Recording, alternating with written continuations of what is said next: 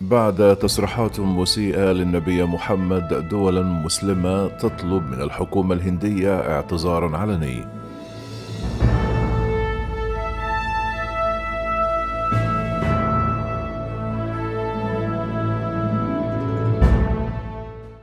أعلن حزب بهاراتيا جانتا الحاكم في الهند وقف المتحدثة باسمه نوبور شارما بعد تعليقات مسيئة للإسلام وقوبلت بشجب واستنكار من عدد من الدول العربية والإسلامية. رحبت كل من وزارتي الخارجية القطرية والكويتية بقرار الحزب لكن كل منهما أضافت في بيان مستقل أنها تتوقع اعتذارا علنيا ورفضا رسميا من الحكومة الهندية لهذه التعليقات. سحبت شرم تصريحاتها دون قيد أو شرط في اعتذار نشرته عبر حسابها على منصات التواصل الاجتماعي. قال الحزب في بيان رسمي نشره على موقعه على شبكة الإنترنت أنه يجب بكل قوة أي إهانة لدين أو شخصية دينية. كانت شرما قد أطلقت تصريحات مسيئة حول النبي محمد وزوجاته خلال مناظرة متلفزة مما أدى إلى ردة فعل غاضبة في العالم الإسلامي. تصدر واسم إلا رسول الله يمودي اهتمام رواد مواقع التواصل الاجتماعي في مصر والسعودية وعدد من البلدان العربية الأخرى بعد تعليقات المتحدثة باسم الحزب الذي يتزعمه رئيس وزراء الهند مودي. أوضحت شرما على حسابها على موقع تويتر أنها قالت تصريحاتها ردا على تعليقات مهينة لواحد من الآلهة عند الهندوس وكتبت معتذرة لو كانت كلماتي سببت القلق أو جرحت المشاعر الدينية لأي شخص فأنا بهذا الصدد أسحب تصريحاتي دون قيد أو شرط. كانت تصريحات شرما قد أثارت ردود فعل منددة من عدة دول منها قطر والكويت.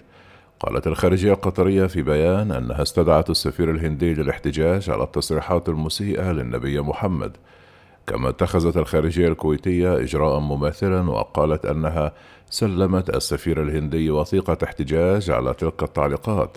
كما أعربت وزارة الخارجية السعودية عن شجبها واستنكارها للتصريحات الصادرة عن المتحدثة باسم الحزب.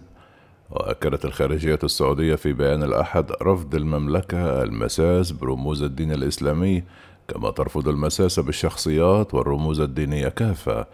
في حين رحبت الخارجية السعودية بوقف الحزب الحاكم المتحدثة باسمه عن العمل.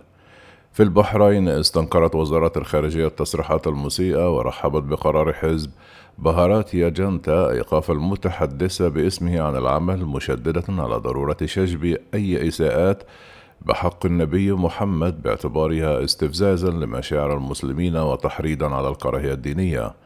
قالت باكستان في بيان أنها تدين بأشد العبارات الممكنة التصريحات المسيئة للغاية.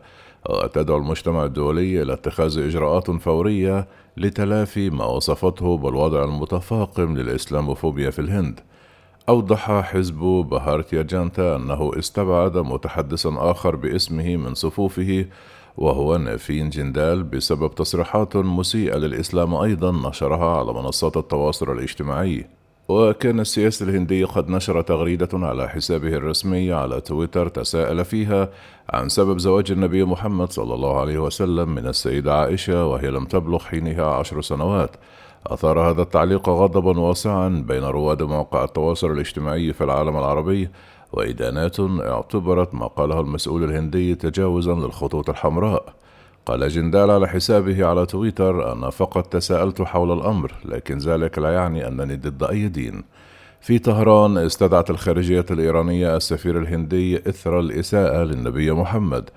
وأبلغت الخارجية السفير الهندي احتجاج الجمهورية الإسلامية الإيرانية حكومة وشعبا على الإساءة للنبي محمد في برنامج تلفزيوني بالهند.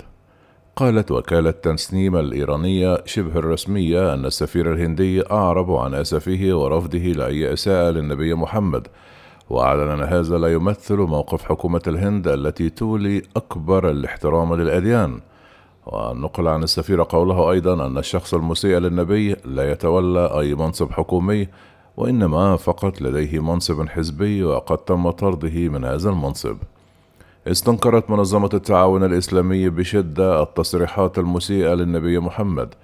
طلبت الأمان العامة للمنظمة في بيان نشرته عبر موقعها الرسمي مساء الأحد السلطات الهندية بالتصدي بحزم لهذه الإساءات وكل أشكال التطاول على الرسول الكريم وعلى الدين الإسلامي وتقديم المحرضين والمتورطين ومرتكبي أفعال العنف والكراهية ضد المسلمين إلى العدالة.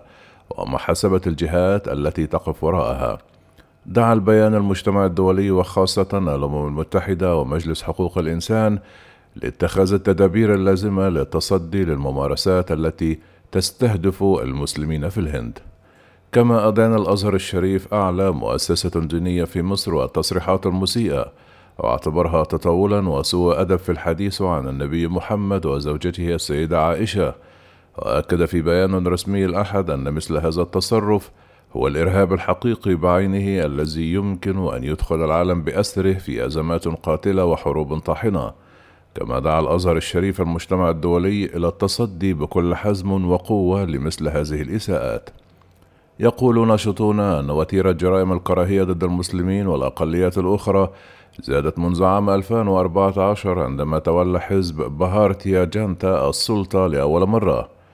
وتنتشر مقاطع الفيديو التي تحتوي على خطاب الكراهية أو العنف ضد المسلمين على نطاق واسع في الهند. يزعم المنتقدون أن هذا بسبب الدعم الصريح والضمني الذي يتلقاه الجناه من قادة الحزب الحاكم. ويشير هؤلاء إلى أن الاعتداءات على المسلمين من قبل الجماعات الهندوسية القومية شاعت في الهند في السنوات الأخيرة دون أن تلقى سوى القليل من الإدانة من الحكومة الهندية.